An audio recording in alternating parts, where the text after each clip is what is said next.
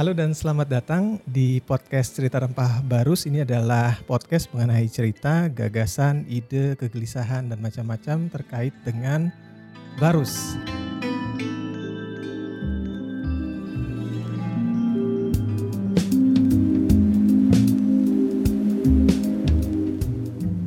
Nah, di episode kali ini kita akan berbincang-bincang dengan Dr. Kresno Lilianto.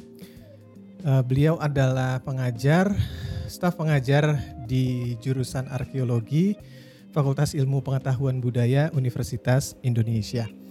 Sebagai pengantar terlebih dahulu, tahun 2017 Presiden Jokowi meletakkan Tugu titik nol peradaban Islam di Barus, Tapanuli Tengah, Sumatera Utara.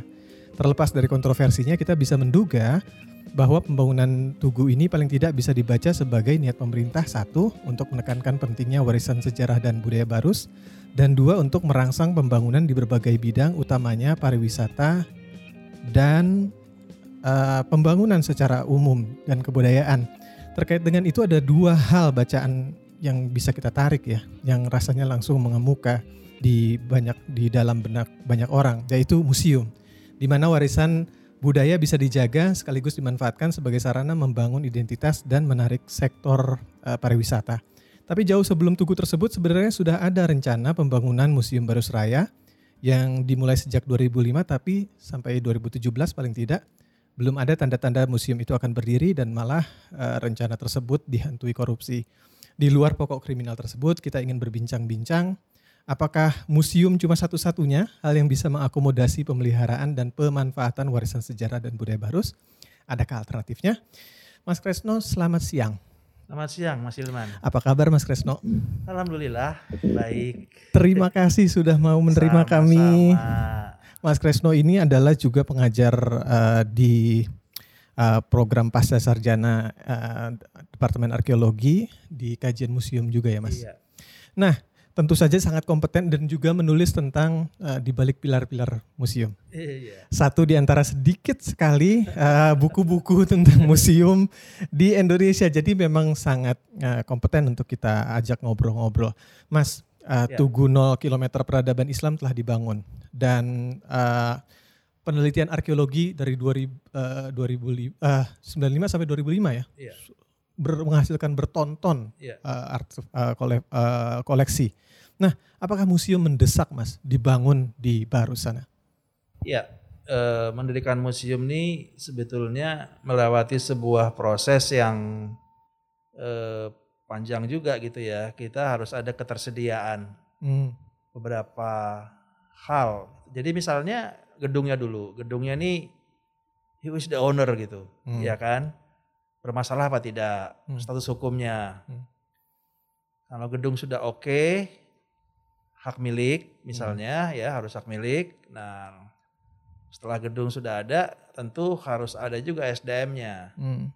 Nah SDM ini tidak bisa juga SDM yang eh, yang penting ada dulu gitu ya, nggak bisa juga karena kerja museum adalah kerja kompetensi. Hmm. Minimal ada kurator, ya. ya kurator. Nanti ada lagi edukator, hmm. ada konservator, hmm.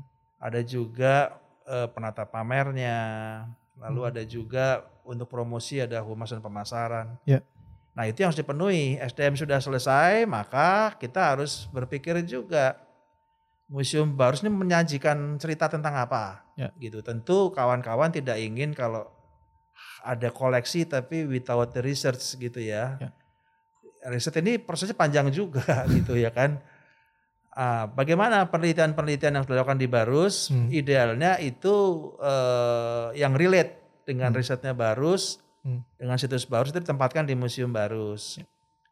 Nah, kita harus bertanya juga pada peneliti, ini sudah sampai mana hmm. kajiannya kan begitu, sehingga nanti pengunjung Museum Barus bisa mendapatkan bukan cuma informasi fisik, tapi hmm. juga makna koleksinya Ya. Dan cerita-cerita di balik koleksi itu mestinya kan seperti itu ya. Hmm.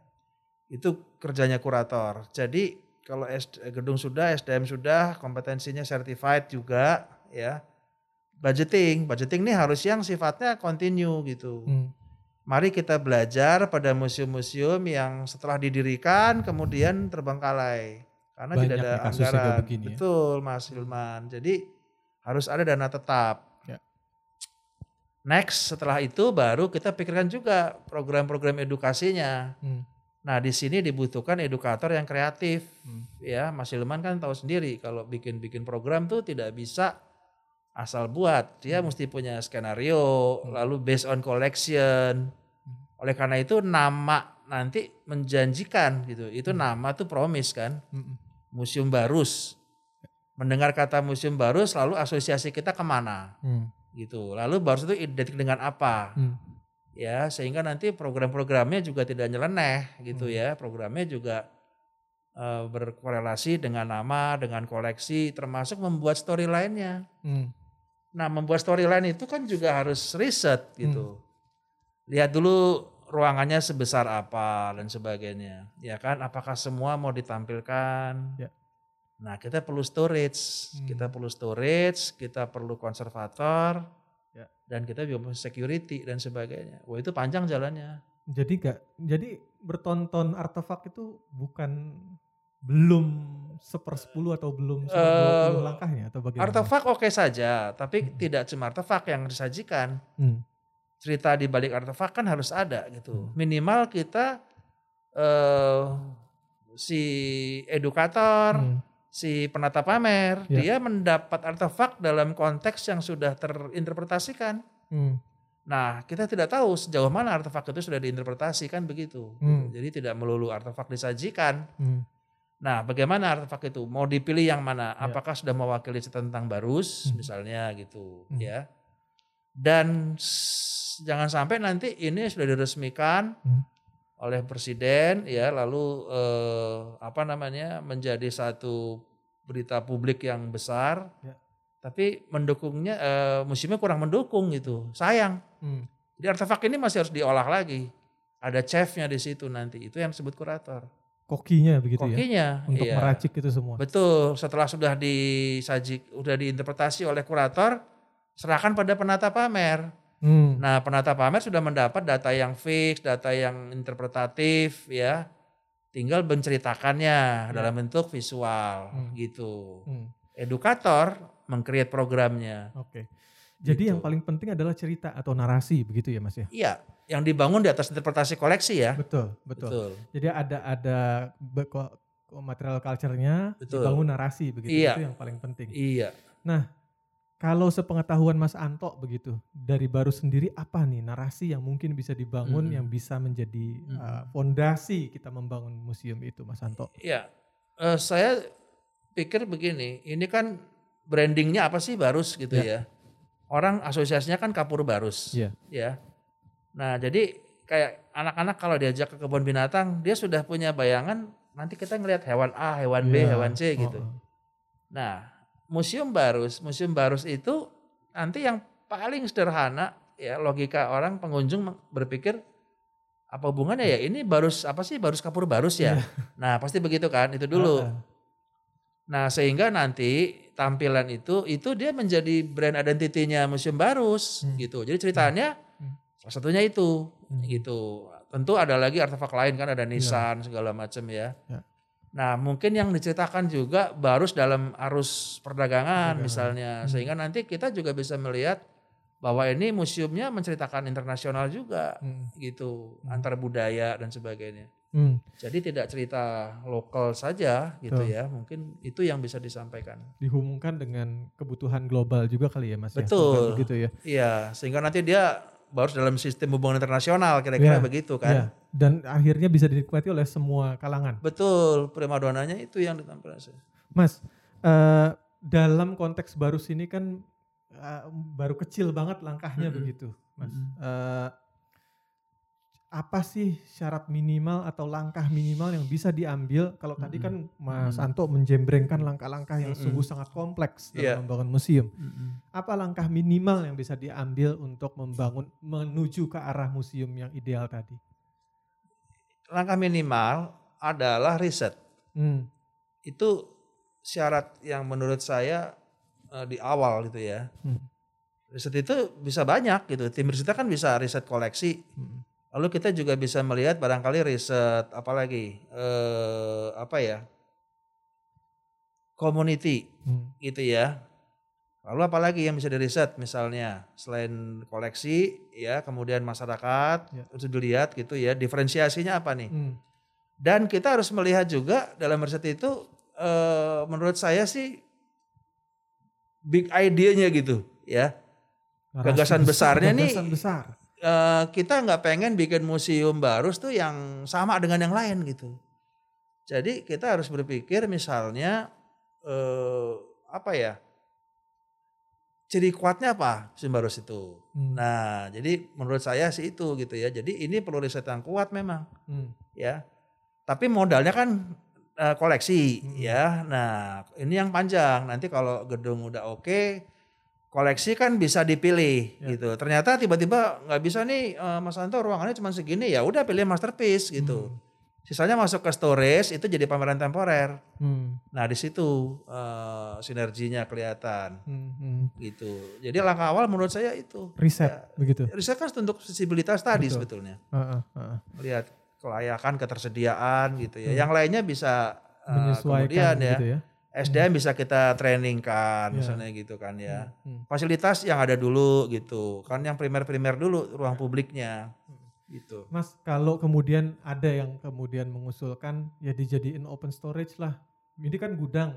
Kita Mm, paling enggak kan mm, mm, koleksinya udah ada, gudangnya udah udah ada. Yang terpen- yang terpenting adalah merawat dulu dan mengakses, dapat publik dapat mengakses. Itu Mm. bisa nggak dilakukan, Mas? bisa saja ya tapi ada bagian-bagian yang memang tidak bisa dilihat oleh publik gitu Hmm. ya. Tapi kalau mau lihat bagaimana staf Museum Baris mengkonservasi bisa jadi atraksi juga Ya. gitu ya. Jadi makin bagian konservasi bisa kelihatan gitu nanti. Hmm.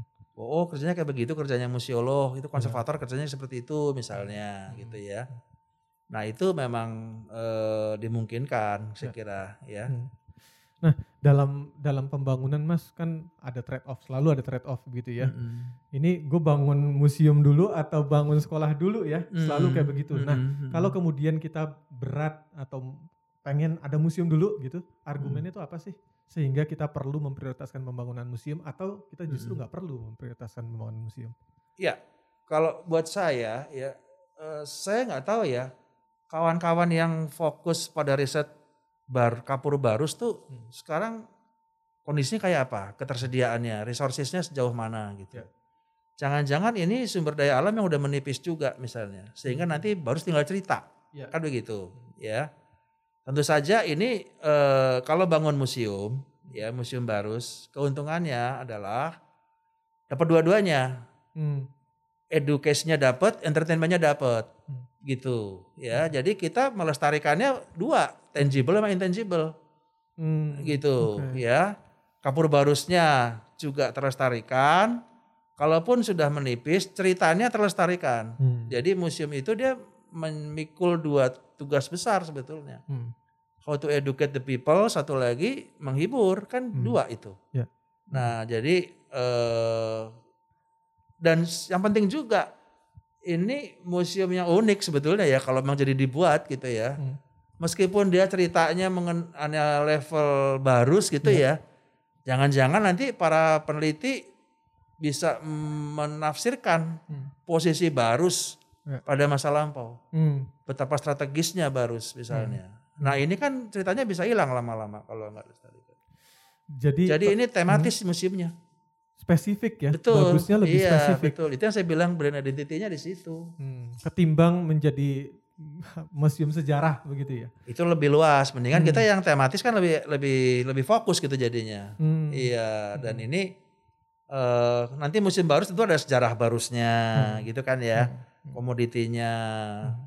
jalur perdagangannya, Ya. Lalu masuknya juga kan eh, nisan-nisan Islam. itu Islam Hmm. gitu kan. Hmm. Itu bagus juga menurut saya kalau bisa direkonstruksi sih Oke. sebetulnya. Tadi argumen Mas Anto menarik bahwa eh, tugas museum nggak semata-mata tadi eh, melestarikan yang tangible, tapi yang intangible. Iya. gitu. Tapi kan orang juga eh, apa ya selalu mengkalkulasi bahwa kalau gue bangun ini dapat duit berapa begitu, Hmm. Iya kan? Hmm. Eh, artinya Hmm. secara langsung eh, ada nggak eh, keuntungan ekonomisnya dari museum begitu, Mas? Nah, iya. kalau itu bagaimana untuk menyanggah argumen tadi? Ya, ekonomis kalau museum memang ini proyeknya bisa dibilang charity ya Hmm. Eh, filosofisnya kan begitu tetapi ekonomi profitable-nya bisa eh, tergantung pada bagaimana tenaga humas pemasarannya Ya. mengcreate program ya dan diberi keluasan Hmm. Gitu. Sehingga nanti eh, usaha sumber-sumber usahanya itu ya. selain merchandise tentu saja ya. Nah itu bisa menggandeng pihak-pihak swasta untuk mengcreate sebuah program. Yang penting programnya itu masih berkorelasi dengan visi misinya gitu. Hmm. Nah, selagi produknya itu kapur barus misalnya gitu ya. Nah, saya kira museum ini kalau ngelihat bahasa sederhananya kan bisa menggandeng produk-produk eh, perusahaan-perusahaan yang memproduksi itu. Hmm. Hmm. Bagus misalnya. Ya, ya. Gitu Bagus kan ini ya. merek ya. Iya, Ya, ya. heeh, merek. Misalnya seperti itu, ya. Nah, lalu apalagi program-program publiknya juga bisa dari situ sebetulnya, ya. Oleh karena itu eh, apa namanya? Memang ini butuh kreativitas untuk marketingnya gitu ya. Hmm. Nah, eh, saya kira kalau masih produksinya masih jalan gitu ya, Hmm. itu museum ini insya Allah nggak kekurangan gitu. Yang penting sekarang siapa yang menjadi humas pemasaran dan edukator itu dua tenaga kreatif yang akan mencari dana untuk dikembalikan kepada pengelolaan Betul. gitu. Hmm. Hmm. Jadi not for profit bukan berarti nggak boleh cari untung. Ya, ya, ya. Dia nanti eh, apa namanya kurvanya dia Hmm. kembali lagi ke situ gitu. Hmm, hmm. Mas, agar museum ini berfungsi dengan baik kan museum juga perlu ditempatkan sebagai bagian dari jaringan begitu ya. Mm-mm. Museum dengan dengan sekolah, Iya, dengan betul. dinas Masyarakat pariwisata, sekitar, betul. sekitar begitu ya. Pelaku bisnis pariwisata. Ah, ah, betul. Eh, Saya nggak tahu airport yang dekat di sana di mana? Ah, di ah, Sibolga. Di Sibolga. Hmm, Nah, itu kerjasama dengan pihak airport. Saya udah Hmm. berkali-kali bilang kawan-kawan di museum meletakkan brosur di sana. Itu Meng- langkah yang paling gampang begitu ya. Taruh iya, atau di sana travel biro-nya dihubungi, jangan Hmm. sampai nanti travel biro membawa turis karena prakarsa dia, bukan karena Iya. tahu ada museum barus gitu. Iya, iya, Nah, iya. itu eh, simpul-simpul yang penting untuk dijaring Hmm, gitu. Jadi eh, airport, hotel, Ya. ya hotel tuh ada juga yang sudah memanya- saya melihat sebuah hotel di Bogor tuh menyajikan museum tertentu gitu, Hmm. sehingga dia punya alternatif destinasi hmm, gitu. Komunitas itu nanti akan terbentuk anak-anak mudanya dan masyarakat sekitar Ya. itu menjadi agent-agentnya museum barus gitu. Betul. Makanya intinya sebetulnya museum barus ini bener-bener harus mengkaji diferensiasinya lah keunikannya hmm. gitu menjadi keunikannya jadi the story of Barus tuh ada di sini sebetulnya Hmm. gitu Ah, jadi juga yang perlu ditekankan adalah bahwa pembangunan museum ini nggak bisa sendirian dibangun museumnya aja gitu ya. nggak bisa itu sudah harus membuat jaringan juga sebetulnya Tadi. apalagi museum harus inklusif sekarang Nah, itu Dia dia. Saya bisa eksklusif. bicara soal itu iya inklusivitas. Kan ada juga yang namanya ekomuseum gitu ya. Mas, ya. betul Nah, alternatif-alternatif apa yang bisa kita gali, kita ambil agar tadi museum tadi Iya. bisa bermanfaat bagi warga. Nah, mungkin kita harus lihat juga situs-situsnya di mana yang pernah diteliti di. Barus, bagian-bagian mana yang diteliti. Nah, itu nanti bisa dijadikan sebagai referensinya Museum Barus. Hmm. Satu paket turnya di situ, Hmm. gitu ya. Jadi nanti si pengelola bisa menggandeng biro perjalanan, travel biro, gitu ya. Dan situs itu mudah-mudahan situs masih terlestarikan gitu. Artinya masih bisa dibuka sehingga jadi atraksi juga, Hmm. gitu. Hmm. Jadi kita mengonservasinya kawasan Hmm. museum itu gedungnya. Ya. Tapi sesungguhnya dalam lingkup yang lebih besar itu ekomuseum sebetulnya Hmm. gitu. Jadi titik mula pengembaraan atau pariwisata tuh di museum gitu ya katakanlah ya. Titik nolnya baru kemudian Betul. mengembara ke mana-mana. begitu. Nah, situsnya kalau masih bisa diperlihatkan sih bagus sebetulnya ya. Ya. Dulu ekskavasi di sini, Hmm. hasilnya ini. Nah, saya tidak tahu koleksi-koleksi itu hasil risetnya ada di mana. Hmm. Apakah di kantor eh, peneliti, balai arkeologi, Hmm. atau eh, ada di mana gitu ya. Hmm. Balai pelestarian atau di mana. Nah, itu nanti pelan-pelan bisa dipindahkan ke museum gitu. Hmm. Itu menjadi resourcesnya museum. Hmm. Mas, bagaimana memastikan agar masyarakat itu bisa terlibat di dalam museum, Mas, yang kelak? Kalau memang pilihannya adalah kita bangun museum nih, Mm, mm, mm. bagaimana warga eh, bisa terlibat di situ? Iya, bentuk-bentuknya Warga seperti mesti apa? diberi tempat memang ya, diberi tempat di situ ya. Yang pertama meningkatkan awareness-nya dulu bahwa ada museum. Hmm, Nanti kita bikin program yang kira-kira bisa berkorelasi dengan mereka ya. Hmm. Nah, sekarang sekali lagi eh, kita harus cari kira-kira eh, media apa yang bisa mendekatkan kita dengan komunitas atau masyarakat sekitar gitu Hmm. misalnya. Apakah misalnya ya program publik kita bisa nggak melibatkan mereka gitu, Hmm. ya kan? Eh, cerita-cerita mengenai barus dan bisakah misalnya mereka dilibatkan juga untuk menjadi apa ya eh semacam tur itulah local guide gitu. local guide gitu. Hmm. Tapi dengan catatan local guide-nya yang story-nya itu valid Hmm. gitu ya. Itu sebabnya mengapa boleh jadi nanti kalau kita meriset ini kita bisa mencari tokoh-tokoh barus Hmm. yang menceritakan gitu retelling kepada Hmm. kita sehingga kita punya data yang valid dan Hmm. cukup banyak. Hmm. Nah, masyarakat diberi tempat gitu ya. Eh, kita harus memberi ruang kepada masyarakat, misalnya waktunya kapan bisa dipakai oleh mereka, misalnya untuk bermain, ya, untuk berdiskusi, Hmm. ya, tapi dengan topik barus, Hmm. gitu, ya. Nah, satu lagi yang syaratnya sebetulnya agak agak simpel tapi penting gitu, Apa itu mas? wifi. Wifi itu Ini udah menjadi sangat teknis banget tapi iya, tapi sangat- itu menyatukan orang Iya. gitu ya. Sehingga kalau mereka bisa co-working space di situ ya, Hmm. orang bisa masuk ke museum Hmm. gitu kan. Hmm. Itu menjadi tempat pertemuan, titik pertemuan berbagai warga dan sebagainya. Jadi kita memang mem- mendekatkan diri kepada publiknya Hmm. gitu. Hmm. Mas, alternatif lain kan ada yang kemudian menyebut nggak mau disebut museum karena kesannya tua atau ada Mm-mm. ada batasan-batasannya ya Mm-mm, museum. mm-mm. Eh, yaudah disebut saja rumah budaya atau bahkan yang lebih ekstrim Mm. lagi community center lah. Hmm, Ini hmm, hmm. pusat masyarakat aja. Common, common room ya kalau misalnya. room Ah, aja gitu, iya, karena kan ah, semua ah. bisa masuk situ. Eh, Mm-mm. tanggapan Mas Kresno gimana? Ya, eh, kalau saya selalu berpikir bahwa whatever the judul ya, mau dikasih apa pun gitu ya, apa pun ya. labelnya apa pun lah Ya. ya, tapi kita harus memberi satu kepastian gitu. Nah, sejauh ini saya tidak tahu rumah budaya itu definisinya apa Hmm. gitu kan. Jangan-jangan nanti makin luas. Ya.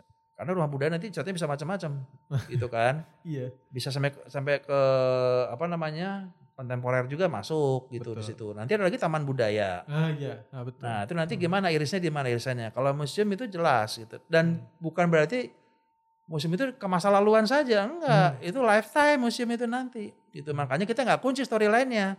Hmm. Storyline-nya nanti barus for the future. Ah, itu generasi anak-anak barus nanti yang ngisi. hmm. Gitu generasi sekarang. Hmm. Gitu. Jadi tidak the story of the past Hmm. gitu. Nah, bagaimana barusnya dilestarikan? Jadi rumah budaya ya kalau kita mau dikasih label rumah budaya jangan-jangan nanti malah terlalu luas gitu Hmm. kan. Konsekuensinya kita harus meriset sampai sekarang gitu ya, produk-produk seninya, filmnya segala macam misalnya gitu ya. Hmm. Modern art segala macam gitu. Nanti sementara kita jadi pesannya malah nggak nyampe.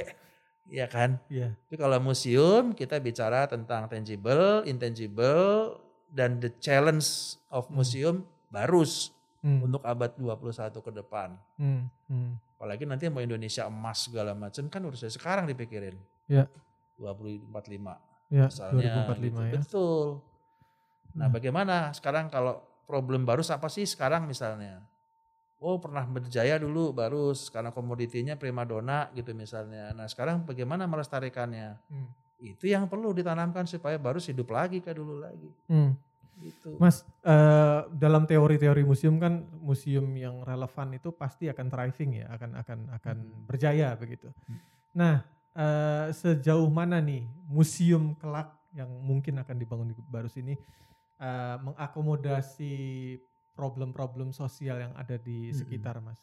Ya. Bentuknya seperti apa respon Mm-mm. museum ini terhadap isu-isu Kekinian. yang kekinian Iya. begitu, Mas? Nah itu yang penting juga Mas Hilman. Jadi saya kira kembali lagi ke riset gitu ya. Sekarang barus bisa berbuat apa sih untuk merespon masa kini Persis. gitu kan ya. Nggak self-centered ya? Nggak- Bukan, nggak- ah, dia harus keluar orientasinya Hmm. gitu kan. Dan for the future misalnya masalah apa? Masalah gender kah? Masalah rasis kah?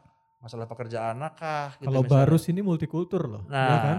nah apalagi kalau multikultur dia harus merawat kebinekaannya kan, Betul. gitu. Hmm. Ya jadi bagaimana Barus itu menyiapkan atau mewujudkan satu kondisi yang memang eh, apa namanya menjaga kebinekaan Barus gitu, menyatukan. Hmm. Saya berpikir boleh jadi nanti kalau kita masuk museum Barus eh, kita ceritanya di depan the people of Barus bisa Hmm. jadi depannya itu. Hmm. Jadi nanti tata pamernya tidak harus kronologis. Ini menarik banget ini. Iya, itu Hmm. isu aja gitu nanti misalnya, gitu kan ya. Hmm. Atau misalnya nanti yang ditampilkan apa? Nisan Hmm. dengan syair dan sebagainya. Hmm. Wah, itu kan dahsyat tuh. Hmm. Nah, ini bukan soal siapa mempengaruhi siapa gitu kan ya. Berarti baru sudah ke mana-mana kan hubungan internasionalnya gitu. Atau jaringan hubungan eh, antar budayanya udah jauh sebetulnya Hmm. gitu. Jadi isu-isu ini eh, eh, bisa disajikan dalam konteks kebarusan lah kira-kira gitu. Hmm. Jadi museum. Saya sih Hmm. kalau memang betul multikultur ini berarti kan udah komoditinya terkenal, Hmm. lalu multikultur dan sebagainya gitu ya. Ini menjadi makin banyak gitu.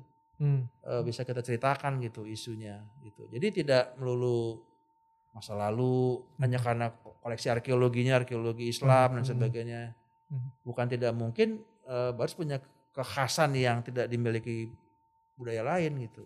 Jadi yes ya mas untuk museum. Saya rekomen kalau untuk jadi mau dibikin gitu ya. Artinya dia eh kalau soal dibandingkan dengan sekolah nanti kan ada kurikulum link sama sekolah, Hmm. ya kan? Hubungan Barus dengan lembaga pendidikan, ya. Barus dengan problem masa ke depan, Ya. gitu. Itu memang syarat museum yang baru, Hmm. ya tidak bicara ke masa laluan saja, tapi Hmm. dia harus merespon isu kekinian, Hmm. gitu. Jangan-jangan ada masalah gender gitu, pekerja perempuan sebagainya. Nah ini Barus bagaimana ceritanya? Ah. Mas pertanyaan yang agak eh, mencelat sedikit arsitektur. Ini perlu nggak sih kita bangun museum yang wah megah atau Hmm. yang sesuai, sesuai dengan tradisi gitu di sana atau Hmm. bangunan museum ini pentingnya apa sih gitu dari luar itu bisa Iya. apa yang harus Eh, direkomendasikan? kalau saya kaidah arsitekturnya sih memang penting ya, tapi eh, kita lihat saja ya ikonnya apa nanti di sana Museum Barus ya. Kalau gedung teknisnya mungkin ada yang lebih paham ya mau berapa lantai, tapi kan syarat minimalnya Hmm. ada dulu Ya. gitu ruang-ruang kurator, ruang konsep lab mesti ada. mengakomodasi konservator. fungsi-fungsi tadi dulu ya. Iya, itu dulu gitu ya. Hmm. Extend nanti belakangan extend. Itu Hmm. nanti kemudian fasilitas publik misalnya kayak musola dan sebagainya. Hmm. Library juga nggak perlu ada dulu ya, itu nanti dulu gitu ya. Tapi ada yang publik mementing dipentingkan misalnya tempat dia eh, istirahat di mana Hmm. dan sebagainya kan. Hmm. Nah, tapi kalau saya boleh nitip sih nanti harus ada tuh mungkin eh, logo ya. Hmm. Nah, logo itu mau dilombakan atau bagaimana ya, kemudian itu juga menjadi ikon bangunan apa tidak Mhm. gitu kan sehingga nanti eh destinasinya jelas, signage-nya ada gitu. Itu yang Begitu menjadi dari jauh kelihatan. landmark. Heeh. Itu baru Hmm. katanya gitu. Jangan sampai nanti orang nggak tahu, nggak ada beda musim yang lain gitu. ya kan? Iya, iya. Nah, iya. itu ikon itu penting itu. Hmm. Itu salah satu syarat yang membuat bisa dipenanda gitu Hmm. ya. Hmm. Mungkin itu Baik kalau begitu Mas Kresno terima kasih banyak. sama-sama. Terima kasih Selamat juga. siang Mas. Siap. Sukses ya.